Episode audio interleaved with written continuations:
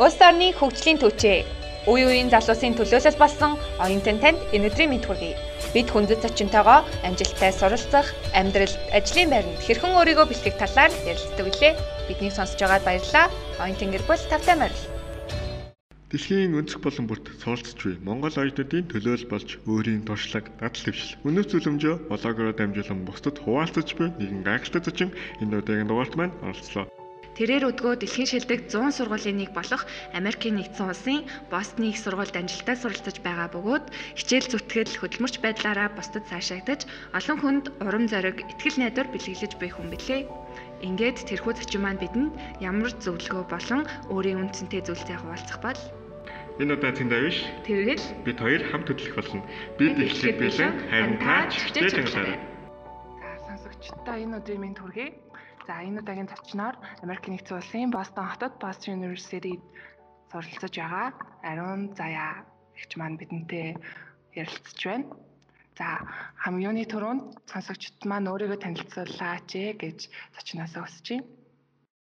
За баярлалаа. Тэгээд юуны түрүүнд бас оюутан подкастын хамт олонд намайг ингээд холоос урьж оролцуулсан баярлалаа гэж хэлье. Тэгээ намайг бол оюун тягийн ариун зай гэдэг би одоо Босны сургуульд 4-р курсын төгсөг хангийн оюутан. Тэгээд мэрэгжлийн хувьд болохоор бизнесийн удирдлага болон онц төр судлал чиглэлээр давхар мэрэгжил эзэмшээд одоо 5 сард төгсөж байгаа. За баярлалаа. Энэ удаагийнхаа дугаарыг бид үндсэн асуулт болох амжилттай оюутан гэж хэнийг хэлэх вэ таны хувьд?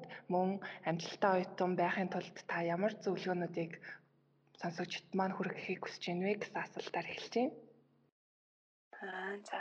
За гоё асуулт байна. За оюутан гэдэг чинь ер нь бол яг амжилттай оюутан гэдгийг эхлээд тайлбарлахын тулд оюутан гэдэг үгийг би яг өөрийнхөө хувьд ямар хүн бэ гэдгийг тайлбарлая гэж бодлоо. Тэгээд миний хувьд болохоор оюутан гэдэг хүн бол амьдралынхаа аль нэг мөчлөгт те 10 жилийн их сургууль, магистр, доктор ямар нэгэн үед ингээд боловсрч байгаа хүнийг бол оюутан гэж хэлнэ. Тэр оюутан хүн заавалчгүй сургуульд явж байгаа их сургуульд явж оюутан болж байгаа биш. Гэрээрээ онлайнаар ямар нэгэн байдлаар боловсрч болно.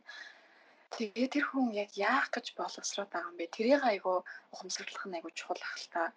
Жишээ нь бол одоо миний хувьд бол оюутан хүн болгон яг өөрсдийн гэсэн тийм хувь нэмэртэй байдаг гэж боддог. Ялангуяа бид бүх энэ дэлхийд ингээд эрэхтэй ямар нэгэн байдлаар өөрсдийн гэсэн тийм хувь нэмэр импактыг ингээд үүсгэх гэж ирдэм болов гэж боддог. Тэр нь заавалчгүй ингээд амар том дараачийн бидний амьдрах гаргийг олох ч юм уу тий. Хүн төрөлхтнийг аврах гэх мэт тийм том хувь нэмэр импакт байх шаардлагагүй тэр яг хувь хүн болгон дээр хувь хүн болгоноос шалтгаалаад өөр ах болно л доо. Тэгээ угаасаа энэ аягүй тийм субъектив ойлголт шүү дээ. Гэхдээ яг ингээд боловсрно гэдэг чинь өөрөө яг тэр хувь хүний энэ дэлхийд өгөх тэр импакт буюу хувь нэмрийг ойлгуулахын тулд бий болоход туслахын тулд одоо дөт замаар хөргөж өгөх тийм одоо өөрт нь тийм хүч зориг, өөртөө итгэх итгэл болон хэрэгтэй мэдээлэл болон ресурсаар нь хангаж өгч байгаа одоо тийм үе шат гэж би болдог байхгүй боловсрлыг. Тэгэхээр хүн ингээ ямар ч зориггүй юм хийж болохгүй. Жишээ нь одоо ингээ зарим хүмүүс ингээ ямар ч зориггүй зүгээр сураал явдаг. Яг сурах ёстой л гэж бод. Яг үнэндээ тэр чинь сурч боловсрохын тулд арт нь ямар нэгэн тийм зориг байх хэвээр. Тэгээ тэрийг хүн яг өөрсдөө энэ дэлхийд ирээд би ямар нэгэн юм хувь нэмэр оруулах хэрэгтэй гэж харах хэрэгтэй байхгүй юу? Тэгэхээр одоо бидний дэлхийд ингээл нэмтлээд хүн болсны төлөө ингээд энэ дэлхийгээс авч авч байгаа л тий бүх авч болох бүгдийг нь авч агаад энэ дэлхийг орхино гэдэг бол үнэхээр тийм амиа хичээсэн үзлүүд эсрэгээрээ ямар нэгэн байдлаар ингээд хувь нэмэр оруулъя гэж боддог байх хэрэгтэй.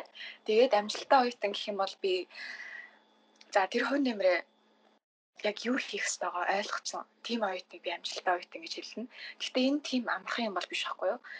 Энэ айгу хэцүү зүйл.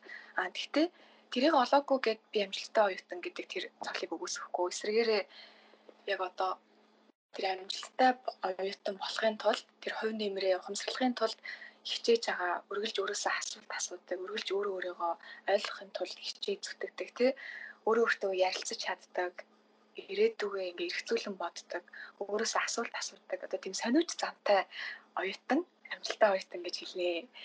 Тэгээд бас энэ дээр ингээд жоохон дэлгэрүүлээд ярих гэвэл бас өөртөө үнэнч байгаарэ гэж би хэлмээр байна. Яагаад гэвэл ингээд зөндөө олон оюутнууд ингээд миний бодлоор бас ингээ өөрийгөө олохын тулд тэг ингээ их сургуульд эрэхтэй ингээд өөрийгөө алдчихдığım санагддаг. Тэгээ зарим нь бол одоо ингээд Америкт ирээл амар Америк болцсон юм шиг тий. Яг ингээд Монгол хүн гэдгээ мартчихгаа мартчихсан юм шиг юм сонир хүмүүс бас зөндөө явж идэг. Тэнгуут ингээд өөртөө үнэнч байх ёстой. Заавалчгүй ингээд шинэ хүн болно, өөр хүн болно, сайжрна гэснээрээ чи яг өөрөө өөрийгөө алдах эсэхгүй байхгүй юу? Яг үргэлж ингээд ялангуяа гадаад сурж байгаа оюутнууд үргэлж хаанаас ирсэн гэр бүлчин хин, найз нөхчин хин, хаан төрсөн, их орон чи юу илээ тэр бүгдийг үргэлж санаж ухамсарлах хэвээр. Тэгээд заавал өөрийгөө алдах хэрэггүй дээ шүү. Заавал өөрийгөө чи өмсөр өөрчлөх шаардлагагүй зүгээр ингээд сайнаар өөрчлөх хэрэгтэй. Гэхдээ заавалчгүй өөрийнхөө яг анх яг яах гэж их сургуульд ирсэн ямар ч зорилготой Монгол улсаа орхиод гадаадд сурах гэж байсан. Энэ бүх зорилготой үнэнч байж өөрийгөө битээ алдаарай л гэж хүсгээр байна. Шүү яах вэ? Аа таны түрүүн хариултнаас үүдээд хаана ялангуяа гадаадд сурж байгаа оюутнууд маань эх орон маань хаана нэлээ гэдэг талаараа бодохгүй байх хэрэгтэй гэдэг хэллээ шүү дээ.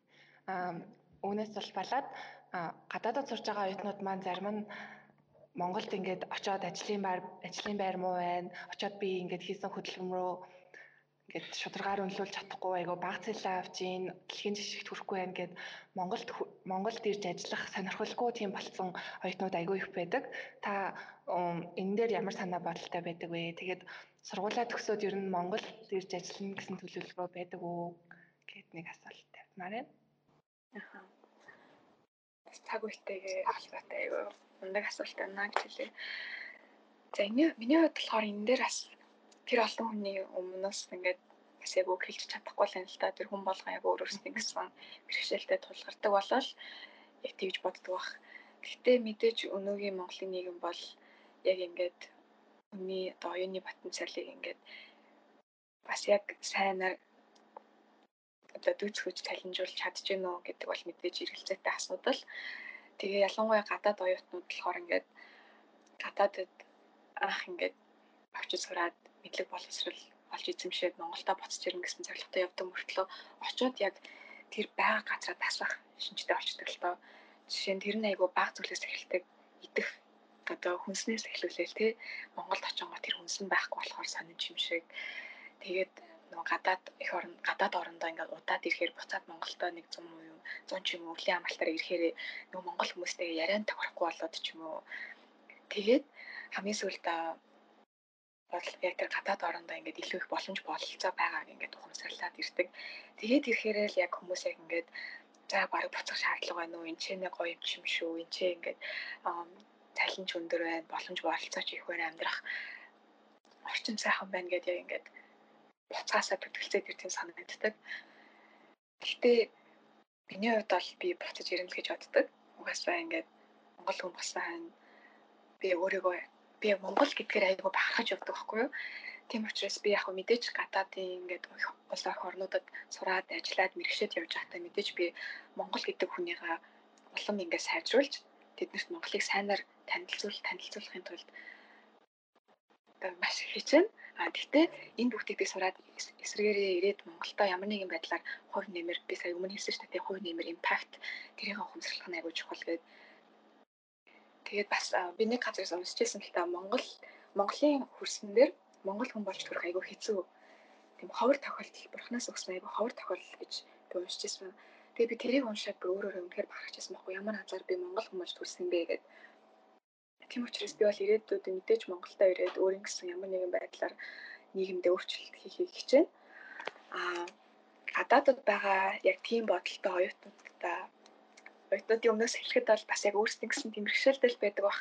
Гэхдээ заавалчгүй одоо заавал ингээл Монголд ирээд юм хийн гэсэн тийм бас өрөөсгөл ойлголттой байж болохгүй. Одоо энэ чинь амар globalized globalized ертөнц болцсон тий.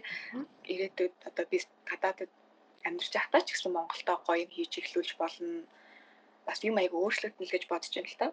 Гэхдээ ер нь эцээ эцэд бол яг энэ бүгд хүний яг ухамсарл юм байл л та. Ухамсар нь ингээд эх орноо бүр ингээд мартах уу? Эсвэл эх орнотойгоо ойрхон байж эх орондоо ямар нэг юм хийх үү, хувь нэмэр оруулах уу гэдэг тэр хоёр өөр ухамсарл юм байлээ.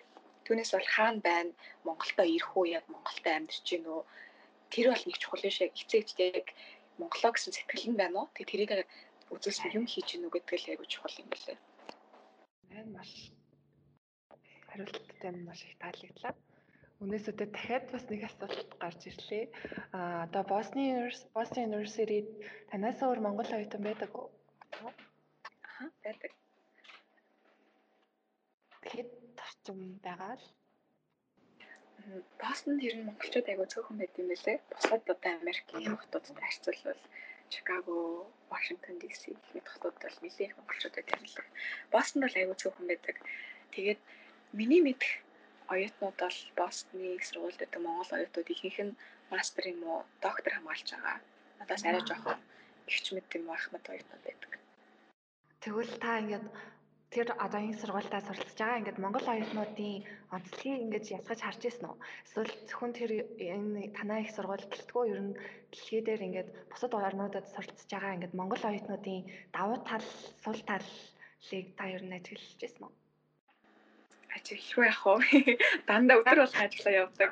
Тэгэл өдөр болгон би чинь амар өө Америкчууд яг ийм юм аа. Энэ орны хүмүүс бас ингэж бодох хандлагатай байд юм байна. Ийм ажлын этиктэй байд юм байна гэдэг дандаа ингэж бас дотоо эргцүүлээ явдаг л та надад асуултыг чинь. За миний хувьд бол яг өөрийнхөө жишээн дээр бас хэлбэл сонирхолтой юм л гэж бодож байна. Би анх Америкт 10 жилээ төгсөөд 10 жилээ би Америкийн American University гэнэ American School Улаанбаатар гэж заасан дэдэг 10 жилийн төгсөөд анх удаага 15 онд Америкт ирж ирсэн. Тэгэхэд би би ингээ 10 жилд айгүй онцордог байсан л та. Одоо ч яг гайгүй онцордог. Гэхдээ яг ингээ онцордог байж хагаад Америкт ирээд Америкийн цагаан хүмүүсийн тунд яг ингээд нэг танхим хичээлд орж үзэхэд жоохон эвгүй мэдрэмж төрдөг байсан. Төрдөм байлээ. Ингээд гинт ингээд жоохон бидрээс арай ухаан муутай ч юм санагдаа тий. Тэр хүүхдүүд амар мундаг юмсаа санагддсан байлээ нэрээ.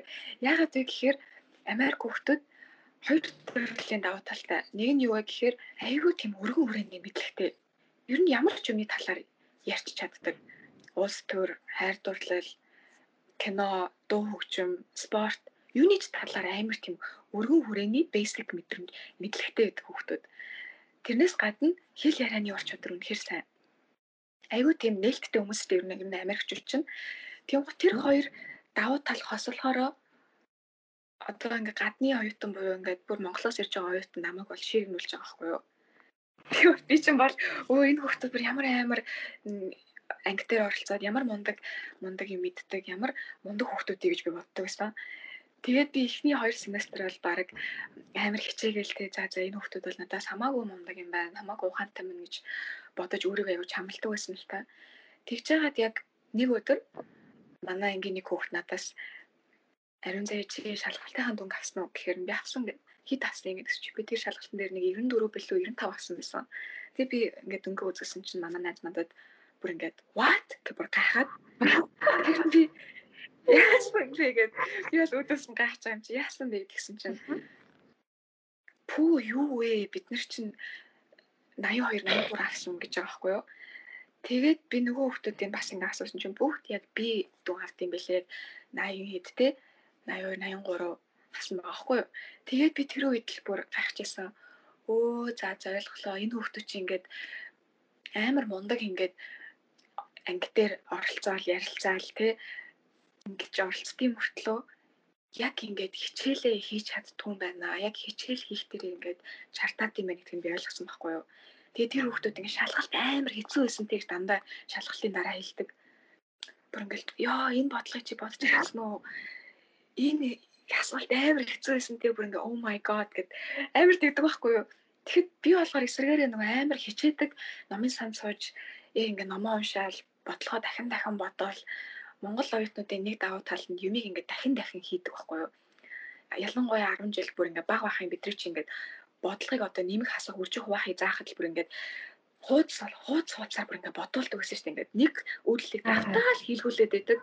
Тэр аюу чухал чадвар ахгүй юу? Тэрийг ингээд суулгуулсан. Тэгээд би чи яг тэрийг их сургуулийнхаа сурах арга барилтаас оруулсан. Би ингээд аюу дахин дахин дахин дахин давтаж уншиж хийдэг.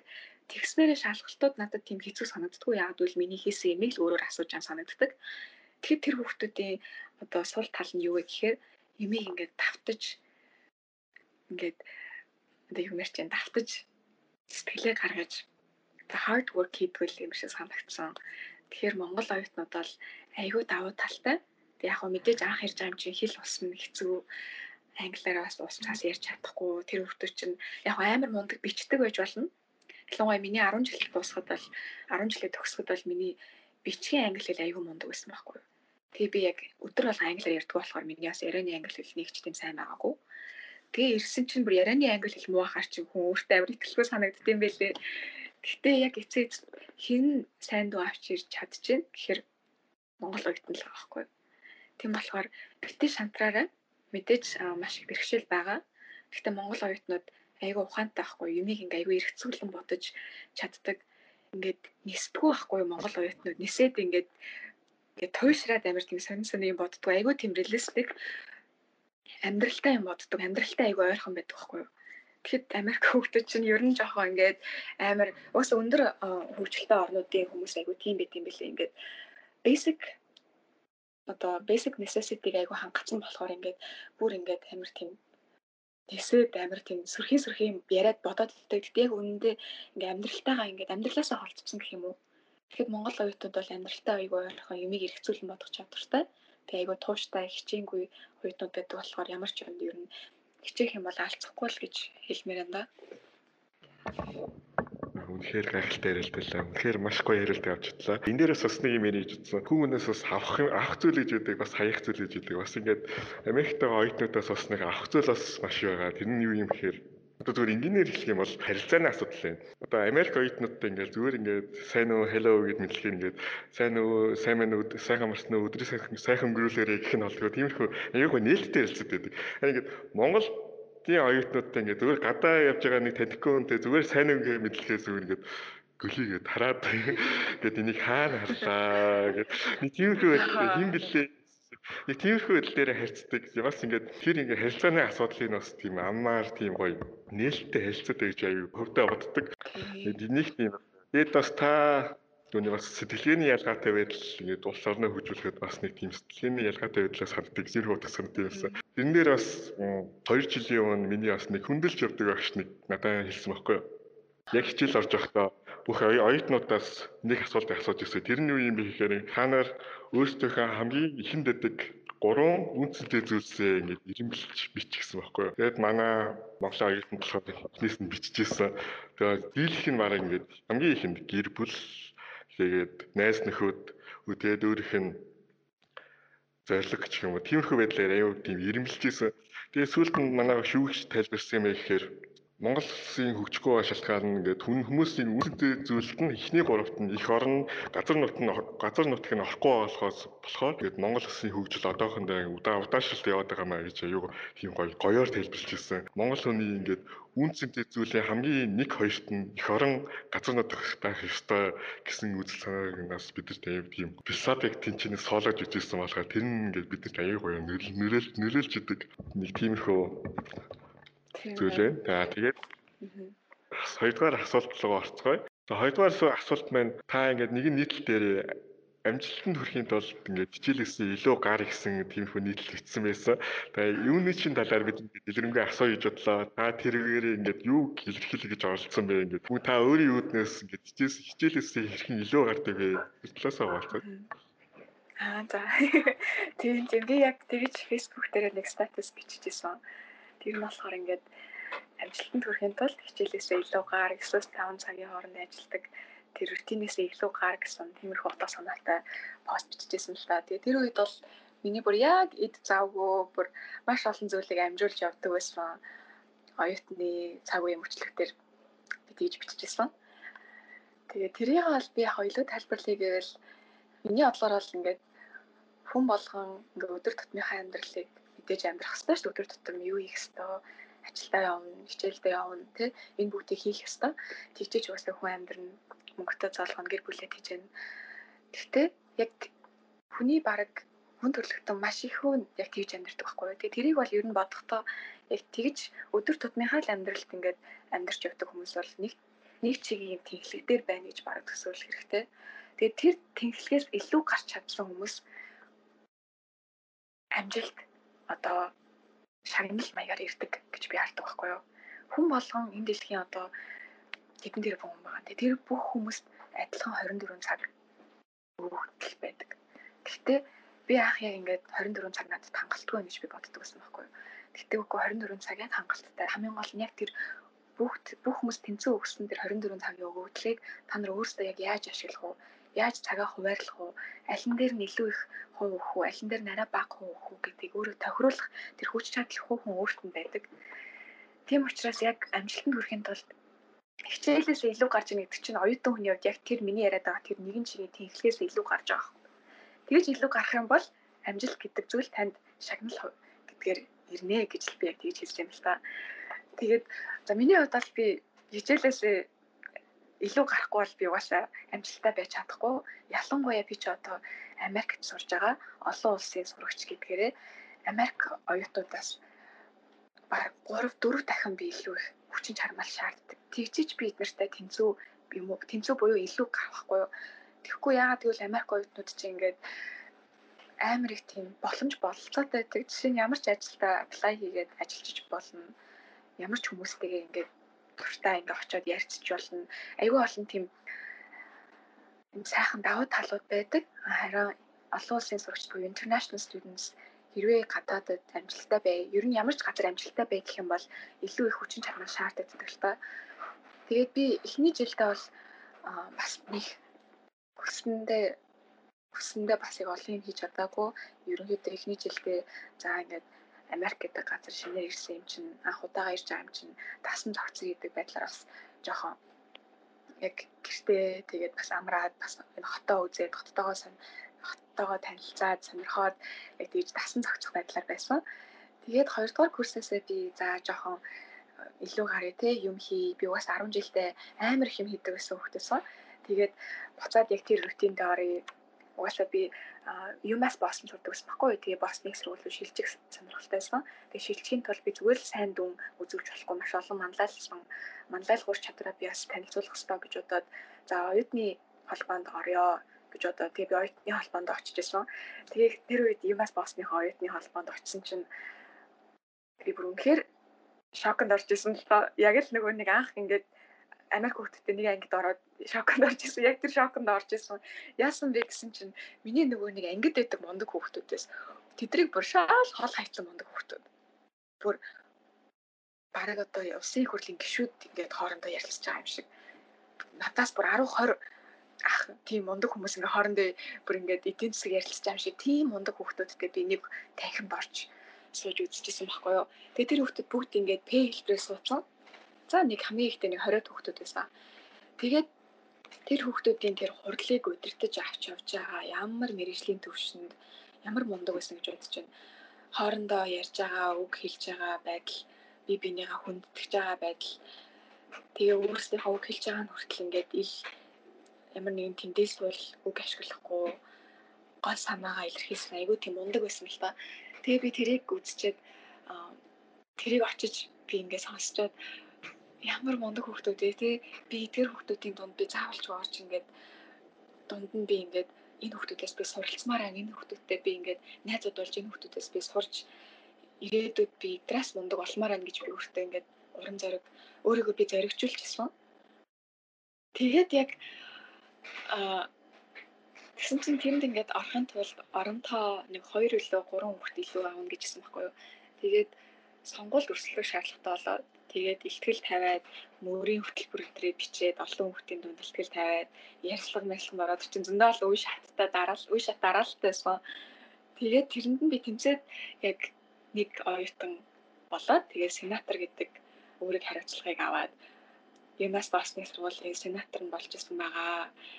Тэгээд анх би чинь амар айгаал энэ ямар мундаг хүмүүс ээ гэжсэн бол төд удалгүй би өөрөө яг тех нартай адилхан одоо одоо өөрийгөө мундаг гэд басган гэж одоо хэлэх чинь одоо нартай адилхан хэмжээний өрсөлдөх чадвартай тийм оюутан болж чадсан. Тэгээ би тэрийг бол ихтгэл дүүрэн хэлнэ. Ягаад гэвэл анх ингээд хүн яг бүгд айд юм бэлээ. Ингээд уус яг өөрийнхөө байгаль газар байгалах юм бол бүх юм амар амархан штэ тий ингээд айх айж имийг зүйлэхгүй айгуугай тайван аа тэгээд хүн яг өсөж дэвжих ингээд шинэ талбар дээр гарч ирэхээр угаасаа хүн ингээд айгаад юу болдог. Тэрийг л даваад тулчих юм бол яг л тэр бусад мундаг хүмүүстэйгээ мундаг хүмүүс нь ямар яг тэр нартайгаа л адилхан эсвэл илүү болт юм бэлээ гэж бодсон. Тэгээ ер нь амжилттай байхын тулд илүү гарсмаараа. Заавалчгүй сорилттой сорилт бэрхшээлтэй тулгардаг. Илүү гарна гэдгээрээ би ингээд амархан гэж би хэлэхгүй. Харин ч хэцүү хэцүү гэд хэцүү бэрхшээлтэй гэдгийг бүлгийн зөвшөөр ухамсарл аа гэхдээ тэр сорилтыг даван туулах юм бол танд амжилт гэдэг зүйл яг шагнал мэт ирнэ л гэж би оюутнуудтай хэлмээр байна. Үнэхээр гайхалтай ярилцлаа ингээд. За баярлалаа. Гоё ярилцлаа. Босны их сургуульд ингээд өндөр хариуцлагатай алтан тушаалыг хаштгаа гэсэн дөнгөс аяллаа. Тэгвэл та ингээд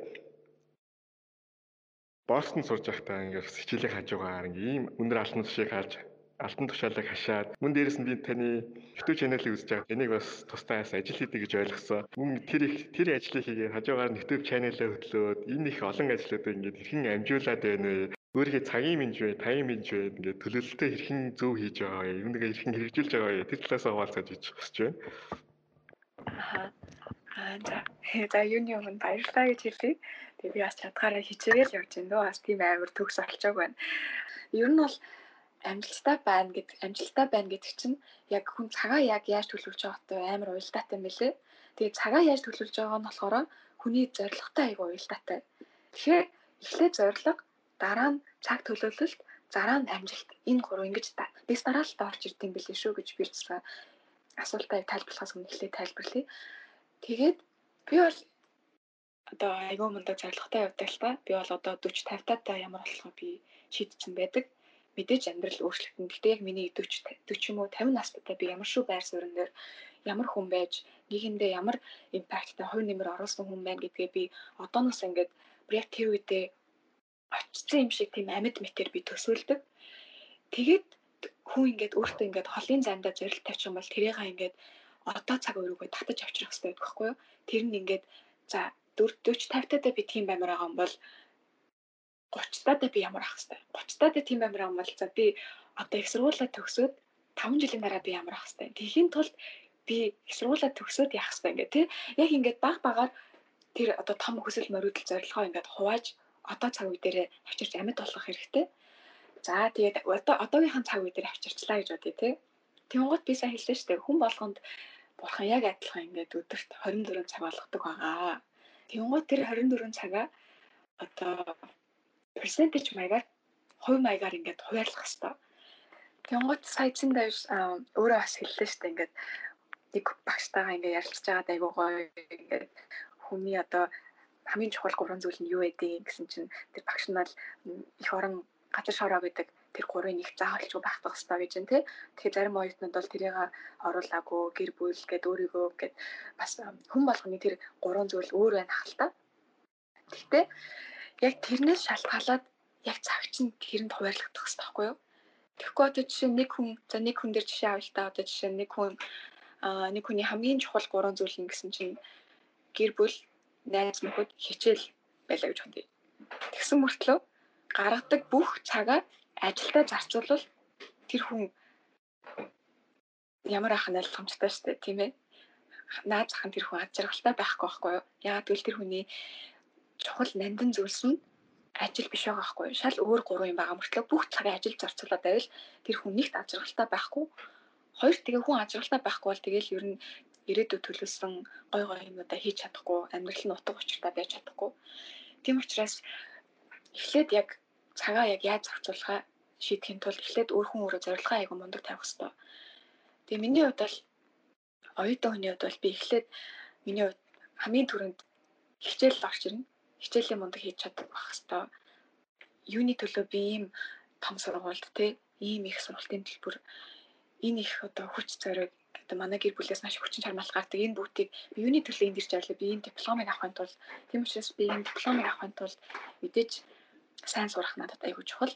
Тэрний дараа би яг ингээ миний асуулт хооронд айгүй уялдаатай яриа олж эхлэв байна л да. Хамгийн анх би нөө хувь нэмэр гэж ярьж ирсэн шүү дээ. Impact хувь нэмэр боловсролтой чухал гэдэг. Нөө за би мундаг диплом авчлаа. Яах гэж энэ дипломыг аваад байгаа би айгүй ухамсарлах хэрэгтэй. Яг юу их юу хиймээр байгаа төгсөөд те ямар ямар хувь нэмэр оруулж өөртөө ч тэр гэр бүлдээ ч тэр нийгэмдээ ч тэр их орондоо ч тэр ямар хувь нэмэр оруулмаар байгаа. Энэ бүгдийг ингээд гаргаад өгчих юм бол аяанда хүн ингээд цагаа айгу зүг төлөвлөөд эхэлдэг л дээ. Тэгээд яг би оюутан багтаа би өөрийгөө нэг тийм амар have fun болсон оюутан гэж би үнэхээр өөрийгөө хэлэхгүй би бараг амьдралгүй оюутан гэж өөрийгөө хэлнэ. Ягаад гэвэл би их их цагаа номын санд сууж өнгөрөөдөг байхгүй юу. Тэгээ манай найзууд бол тэгээ гараал партидаал 5 өдөр болгон гоё тийм партинд яваад ч юм уу ямар нэг гарч ороод юм хийдэг. Аа би бол яг хаяа нэг гарч орно. Түүнээс бол би 7 хоног болгон эсвэл айгүй тийм тогтмол гарч урдггүй л тээ. Тэгээ би тэрэндээ ч нэг харамсалгүй. Ягаад бол манай ээж надад бүр бага ахын зүйлж хэлдэг байсан. Миний охин шоудаж дугаацж цэнгэх цаг үүрт хүнд байт юм аа. Яг ингээд сурч боловсрч мөрөөдлийнхөө араас тэнцэх тэр цаг үе тэр энерги хүнд үүрт байт хүн шүү гэж надад ойлголт өгсөн учраас би бас суулдаа нэг тэгж шоу зугаацсан юм би хөөгөөгүй. Тийм учраас миний одоо цаг хуваарлтанд бол ерөөсөө тийм найзууд ч юм уу найзуудтайгаа уулзаж орж гарна энэ тийм хөгжилтөн зугаацсан цэнг нь бол баг байдгүйсэн. Тэгээ би ч одоо дөрөвдүгээр курсын төгсөг ангийн оюутан болохоор одоо 4 жилийн ер нь ингээд дүгнэж яриад байна л та.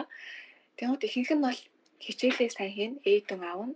Тэрний дараа би төгсөөд эндээ би ажилтаа олох хэвээр. Ажилтаа олохын тулд би юу хийх хэвээр? Би дадлага олох хэвээр.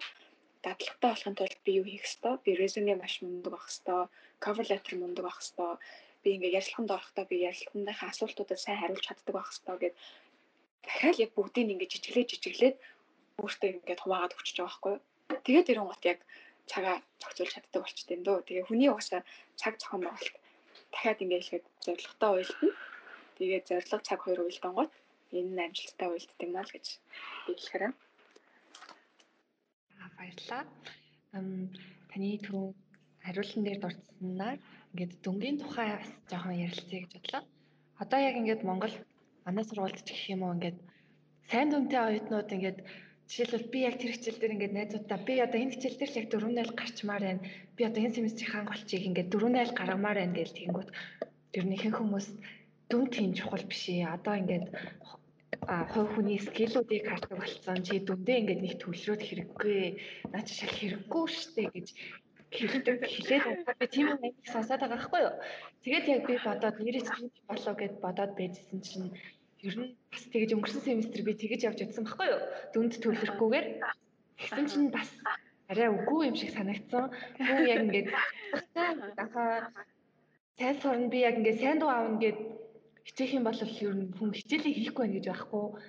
Тэрнээр заавал ингээд Тийм зүгээр сууж байгаа л тэгээд хүн айгу анц дүн авчдаг юм биш биш юм байна.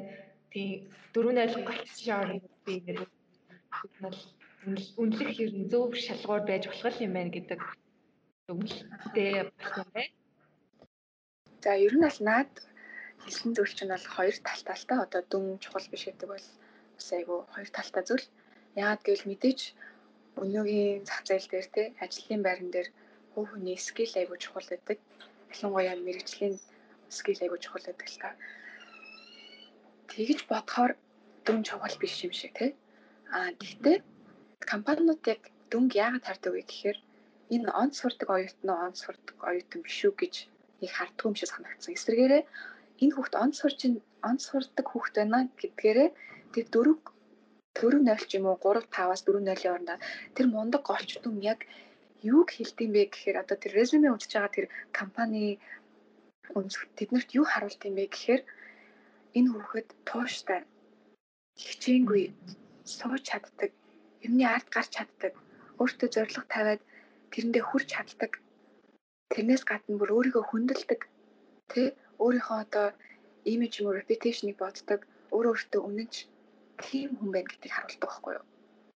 Тэгэхээр айгүй чухал байгаа юм бас яг тэр тооны ард амар тийм олон тийм гарт баригдахааргүй нүдэнд харагдахааргүй тийм зан чанарыг харагдуулж байдаг байхгүй юу. Аа тэгээд за би яг өөрийнхөө туршлага дээр хэлэхэд бол би ингээд номын санд айгүй их суудаг гэсэн гэж штэ. Тэгээ номын санд суудаг байхад би ингээд айгүй бясалгадаг байсан. Тэгээ бясалгах нь гэхээр хүн ингээд нүдэн анаа чивчмэг болоод юу ч бодохгүй байхыг боддог. Бясалгал гэдэг бол айгүй олон төрлөөр доо. Миний хувьд бол одоо оюуны бясалгал би агүй хийдэг. Тэр нь юу вэ гэхээр номын сам суугаад чив чимээгүй газар ингээ хичээл хийж яхад Юу ингээд номын санд амар их суудаг хүмүүсээ хичээлээ хийгээл номын санд суудаг гэж бодохгүй үгүй байхгүй юу. Тэр хүн чинь амар их юм хийдэж номын санд амар их юм боддог. Ганц хичээл хийдгөө хичээл бол за бараг 50% л ах нэрээ. 50% хичээл хийгээ 50% тэр хүүхд ирээдүгээ бодоод юу хийх ёстойгоо бодож бясалгаж тэ имэйлээ шалгаж тэр хичээлээс гадах зөндөө бол ажлыг ингээд цэгцэлж юм итгэж амьдралаа одоо юм дэс дараал оруулж яадаг байхгүй юу. Тэгээ номын сан зуудаг хүмүүс айгүй тийм юмыг ингээд номын сан зуудаг ч одоо хичээлээ сайн хийж чаддаг тэр голчтон сайтай хүмүүс чинь юмыг айгүй тийм айгүй тийм сайн дэс дараалд оруулаад юм хэлж зэгцлээд тийм айгүй олон тийм ур чадруудыг эзэмссэн байдаг байхгүй хичээлийнхээ хажуугаар. Тийм болохоор бас чухал гэж би хэлмээр байна. А яагаад бас чухал биш вэ гэхээр би бас аяа олон төрлийн юм бас ойлгож авсан л та. Тэр нь юу вэ гэхээр би нөгөө сая энэ сон би хөрөнгө оруулалтын сан буюу venture capital дадлага хийсэн байгаа. Тэгээд ингээд дадлага хийж байхад бол би Harvard-ийн оюутнуудтай хамт дадлага хийсэн байгаа. Тэгээ манай энэ компани болохоор бүх захирлууд нь Harvard-ыг төгссөн тийм партнерууд байдаг. Тэгээ ерөнхийдөө ихэнхдээ дандаа Harvard-ийнхаа оюутнуудыг яг датлагын үеээр авдаг байхгүй юу. Тэгээ би ямар азар Бостоныг сургууль хийжээж Harvard-ийн ийм том компанид орчоо гэдгсэн чинь нэг партнер нь яг биеийг төгссөн партнер байсан. Биеийг төгссөн захирал байсан байхгүй юу. Тэгээ би тэрнтэй холбогдоод networking хийгээд танилцсанаад гурван төрлийн ярилцлагын шатд аваад тэр компанид дадлага хийх тэр сайхан боломж бололцоотой болж ирсэн. Тэгээд миний одоо хамт ажиллаж ирсэн дадлагын оюутнууд болохоор бүгд Harvard-ийн магистрийн оюутнууд байсан. MBA сурдаг. Тэгээ Harvard-ийн бизнесийн сургуулийн үнэхээр мундаг оюутнууд байсан л та. Аа тэгтээ тэр одоо дадлага бол ингэж хэлсэн байхгүй юу? Цагаар цалинжуулахгүй. Сар хагасны хугацаанд та нарт дадлага хийн. Тэгээ та нарт ингэ стипенд болгоно. Тэгээ та нар өглөө өдөр болгон 9-5 хооронд ажиллаад 9-5 хооронд ажиллах хэвээр. Тэгээд энд чинь ингээд тааруулаа сар хагасны хугацаанд стипенд өгөөд 4500 доллароос 5000 долларын хооронд ингээд стипенд өгөө цалинжуулаад ажиллана гэж явжсэн байхгүй юу? Тэгээд илүү цагаар ажиллах юм бол Америкч чинь илүү цаг тооцоо явчихдаг. Тэгэхээр илүү цаг тооцохгүй шүү яг ингээд ийм цалин өгөөд ажиллуулна гэж хэлсэн. Тэгэхэд 5 цаг болоход тэр Харвардын оюутнууд бүгд цүнхээ аваад бүх юм аваад гараа явчихсан билээ. Тэгэхэд би бол за эсвэргээрээ ингээд одоо би ингээд 5 цагт ингээд гараа явснараа үнэн л зөв л дөө. Энэ хүмүүсийн гараа явах нь зөв. Яагаад гэвэл эдгээр 5-аас илүү 5 цагаас илүү байснаар эдрийг цалинжуулж байгаа юм байхгүй шүү дээ. Эдрийн одоо гарч байгаа хүч хөдөлмөр ингээд ямар нэгэн цалинж шагнал авч болж байгаа юм байхгүй.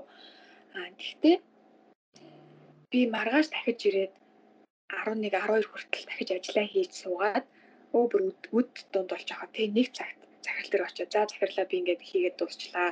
Репорто тавья гэсэн дээрүү эсхүү бол би одоо жоохон 2 3 цаг илүү суугаад те би залуу байна би оюутан байна би датлагын оюутан би ямар захирал те менежер биш те би датлагын оюутан юм чинь 7 8 хүртэл сууч суучи.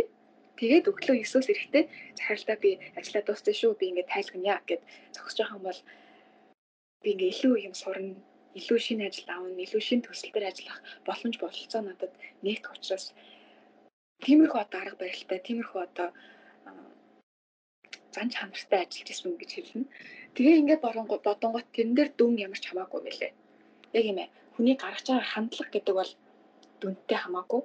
Үнэхээр одоо тэгэхээр тэр хүмүүс бол бүр хааруулдаа тэнцсэн надаас мундаг надаас ухаантай хүмүүс байгаа мөртлөө юмд хандах хандлага нь арай урагаж тэгэхэд би одоо хааруулдаа сурдггүй ч гэсэн тэдний одоо тэдний тэр үед байсан амжилтан дээр би яг тэнцүү амжилттай байгаагүй ч гэсэн миний гарах хандлага тэднээс илүү ирч хүчтэй сэтгэлээсээ байсан учраас бас би захирлуудынхаа нүдэнд айгүй тус тус чадсан л та.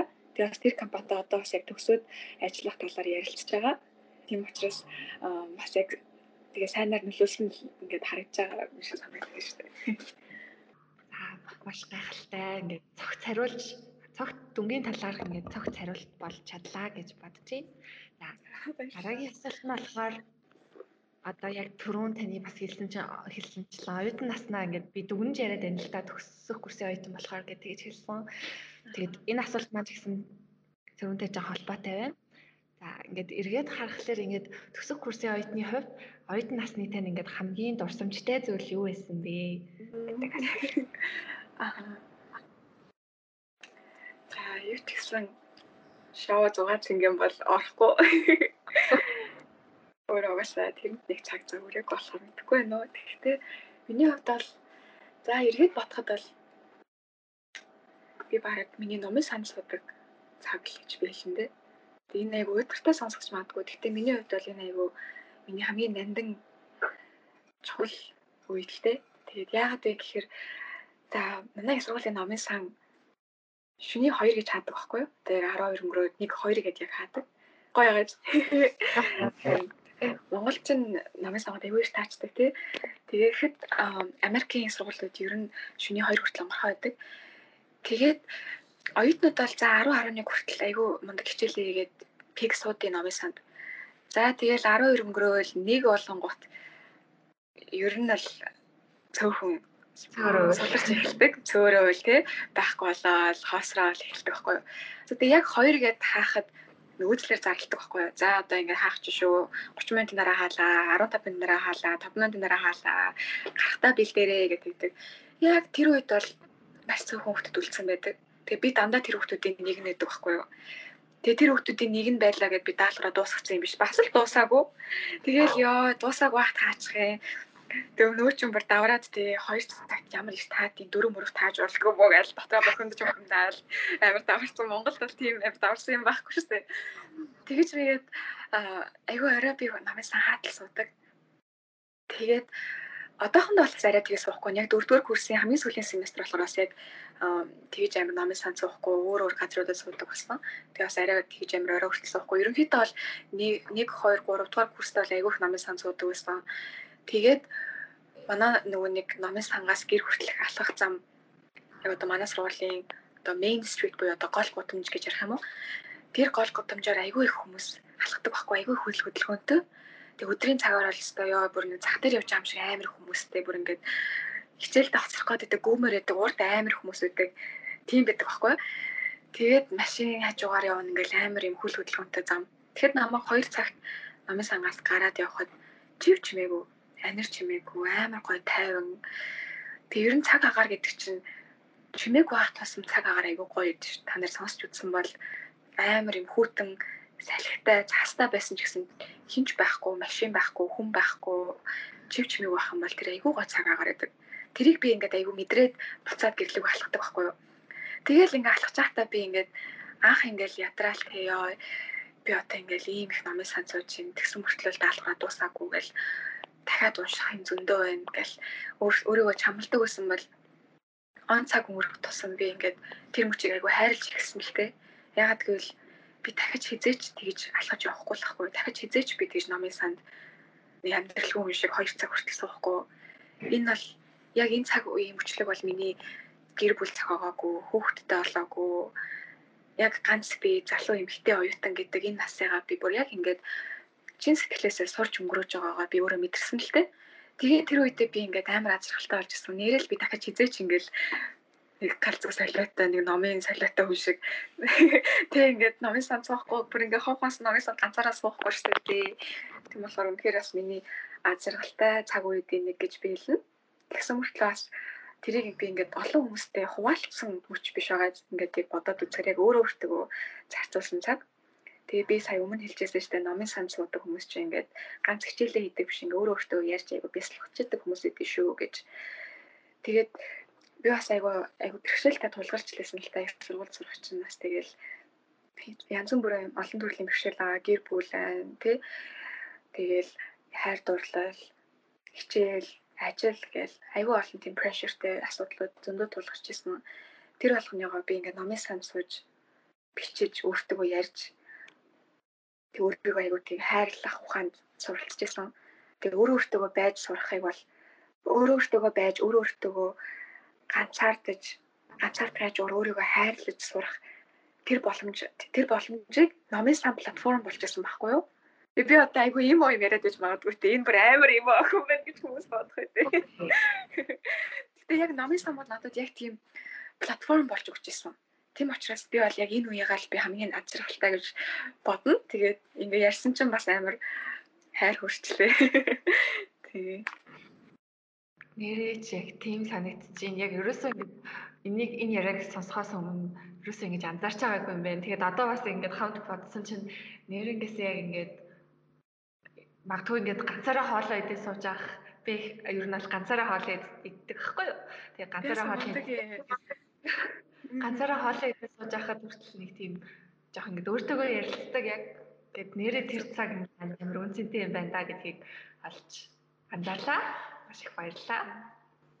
Ер нь өөрийнхөө дотор яг нэг хүн байна гэж төсөөлөх хэрэгтэй байхгүй яг өөрөөс чинь ангид нэг хүн байдаг. Тэгээ тэр хүнийгээ бид нар хизээж тоодох байхгүй дандаа ингээд завгүй өөр хүнтэй ярих хэрэгтэй, өөр хүнтэй уулзах хэрэгтэй, өөр хүнтэй юм хийх хэрэгтэй гэж ярьдаг.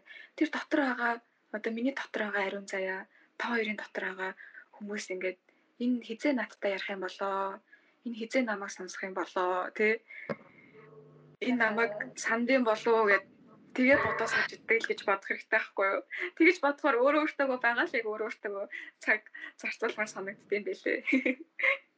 Үнэхээр яриа л тань. Тантай бол үнэхээр нэгтгэр санал нэг байна. Би ч гэсэн юм ингээд амисан ингээд амисан хаатал суудаг байхгүй юу. Манай сургуулийн намайсаа яг 9-ийн ажид бүх намайсаа тэгээ 9-ийг хамгийн сүүлд нь гардаг. Тэгээ таны хэлсэн шиг яваас ингээд хичээлээ хийх нь яг 50% яг өөрийгөө зарцуулах 50% тэр бол яг үнэн байхгүй юу. Би бол намайсаа суугаад ер нь ихтэй бол хичээлээ ер нь баг хийдгүү зүгээр ингээд өөрийнхөө ирээдүйг ч юм уу эсвэл ингээд өөртөө ингээд зориулаад юм бодож суудаг. Тэгээ тиймэрхүү байдаг. Тэр бол ялч юу нэ ярил тэгээ үнэхээр санал нэг байна. Тэгээд үнэхээр гоё ярил тавьж чадлаа. Тэгээд энэ хүртэл ингээд бидний дугаарыг сонссон сонсогч нартаа бас баярлалаа. Манай манай дугаарын энэ удаагийн зочин болох Ариун зэ ихч маань үнэхээр хүнцэтэй зүйлсийг хуваалцж байна. За ингээд манай подкастын баярлаа. Манай подкастын хамгийн сүүлийн асуулт болох хэрвээ танд Монголын бүх оюутны өмнө ингээд илтгэх боломж болтвол та тэрхүү энэ дээр юу гуглах вэ гэсэн асуултаар асууя. Сток гоё асуулт асууж байна. За энэ асуултыг бол би тэр эндэр дээр гараад Монголын бүх оюутнуудад үг хэлэх боломж олдвол би хамгийн эхлээд би ээжтэй талархаж байна гэж хэлнэ. Миний одоогийн байгаа байдал, миний одоогийн болсон хүн олсон амжилт хүрч очисон газар бол бүгд миний ээжтэй бүр 100% уялдаатай. Миний ээж бол бүр үнэхээр уран ухаантай холыг харсан үнэхээр ухаантай тийм мундаг бүсгүй байдаг. Тэгээ би энэ мундаг бүсгүй охин болж төрсөндөө үнэхээр хамгийн азтай хүн бохгүй юу. Тэгэхээр би ээжтэй эхлээд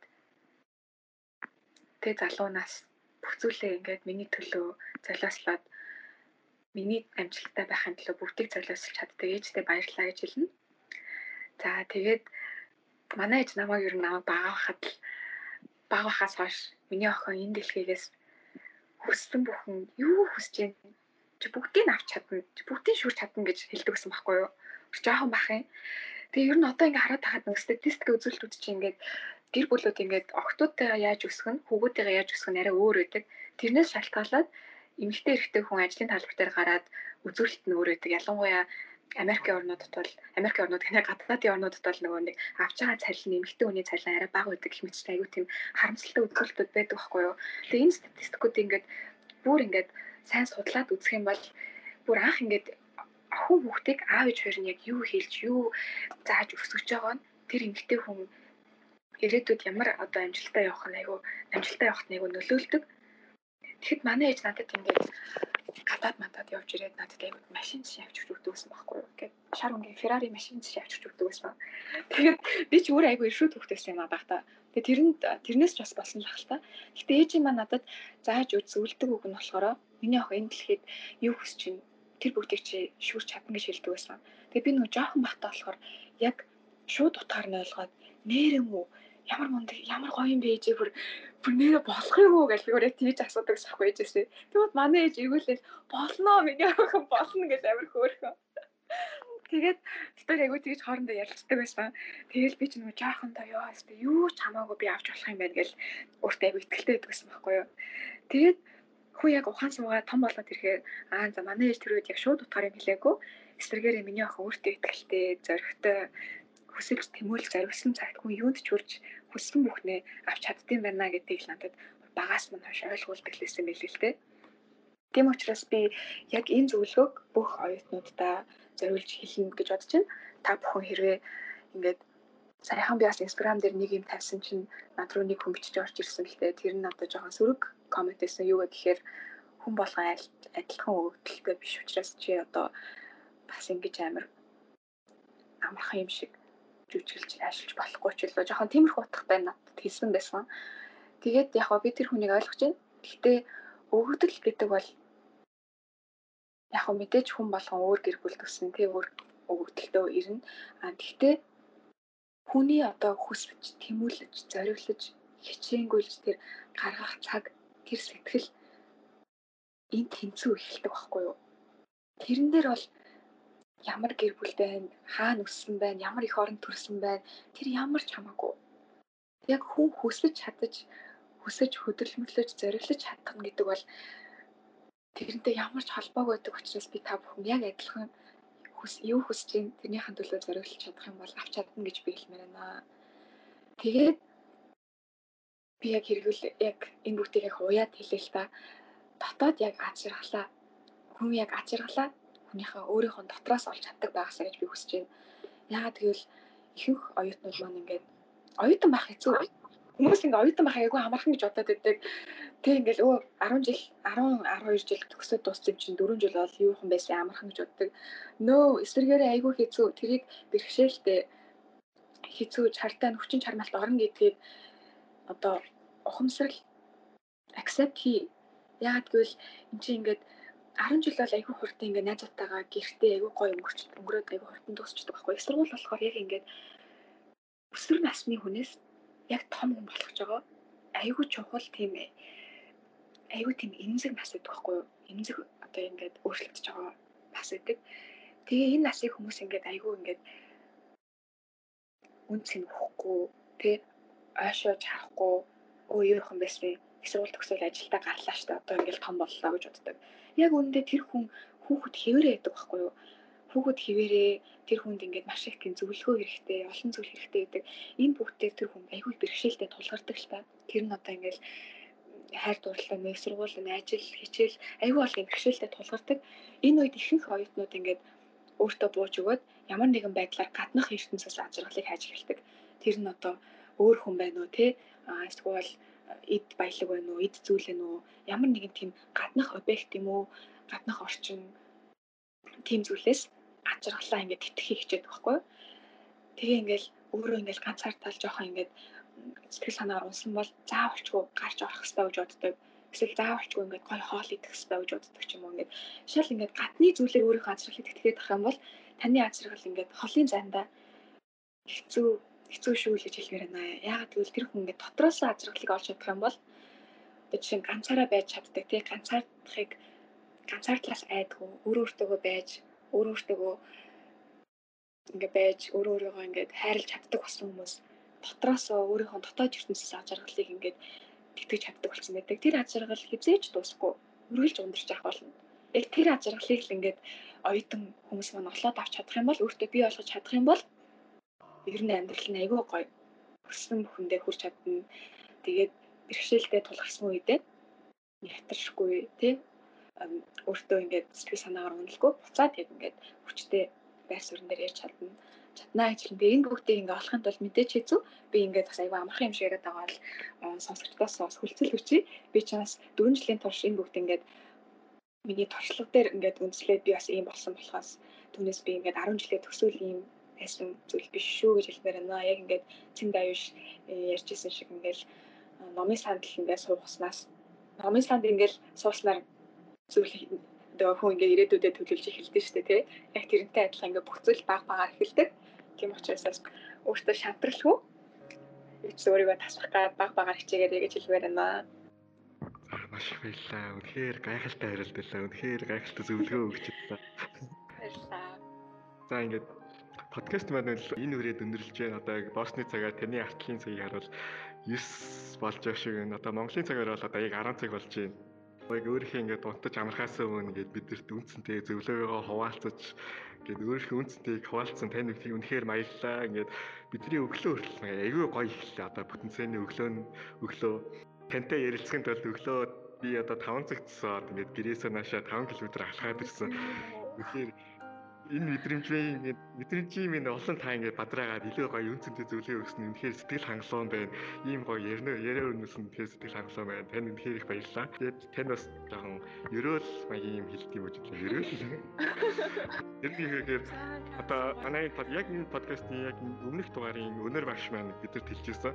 Амжилттай оюутан гэдэг бол ингээд хамгийн түрүүнд өөрийгөө олцсон хүнийг амжилттай оюутан гэж хэлнэ гэдэг. Одоо та түрүү хэлсэн шүү дээ өөрийнхөө 40 50 жилийнхаа 40 50 насныхаа зорилгыг ингээд өөрийнхөө ингээд тодорхойлсон байдаг гэж. Тэр зорилгоудаа ингээд та ингээд баг багаар алхам алхаар хизээч ухралгүйгээр ууршиж тэр амжилтаа эзэн нэгэн цаг төрөөрэй гэсэн ерөөлийг тавья гэж бодлоо. Тэгээ таны хайр баярлалаа. Энэ гоё зүйтэй зөвлөгөөгөө хуваалцсан. Маш их баярлалаа.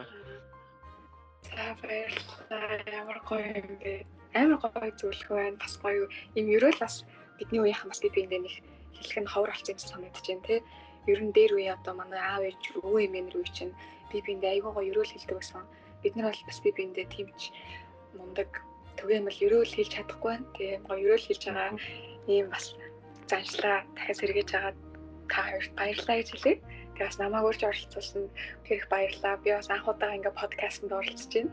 Тэгээ бас урах зүйл их байлаа. Гэтэ бас та хоёртай гоё татан санагдаад оюутнуудтайгаа ингээ гоё өөрийнхөө зүгээс жоохон ч гэсэн зөвлөгөө өгнө гэдээ бас айгуу догтлж исэн.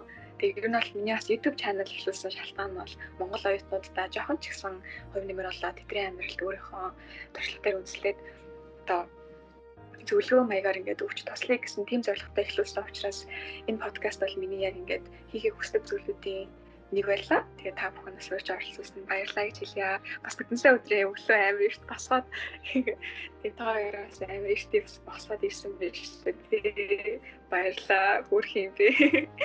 Баярлалаа. За заа ингээд подкаст нэмэлтээ дөө. Энэ үртэл үнэн цагаа зохицуулан бидэнтэй хамт байсан танд маш их баярлалаа. Эерэг хандлагатай, ёс суртахуунлаг, зориг өөд тууштай тэмүүлж чадах оюутан та өөрт байгаа эдгээр үн цэтэй зүйлсээ ирж, хайж, нийгэмдээ хөв нэмэр болох цаар төлөвшүүлэхийн төлөө алтан цагаа зарцуулаарай. Мөн бидэнтэй хамтран ажиллагч чөлөөт бичээчэд төрийн бас байгууллагынхандаа талархъя. Хүндэтгсэн оюутан гэр бүлийнхэн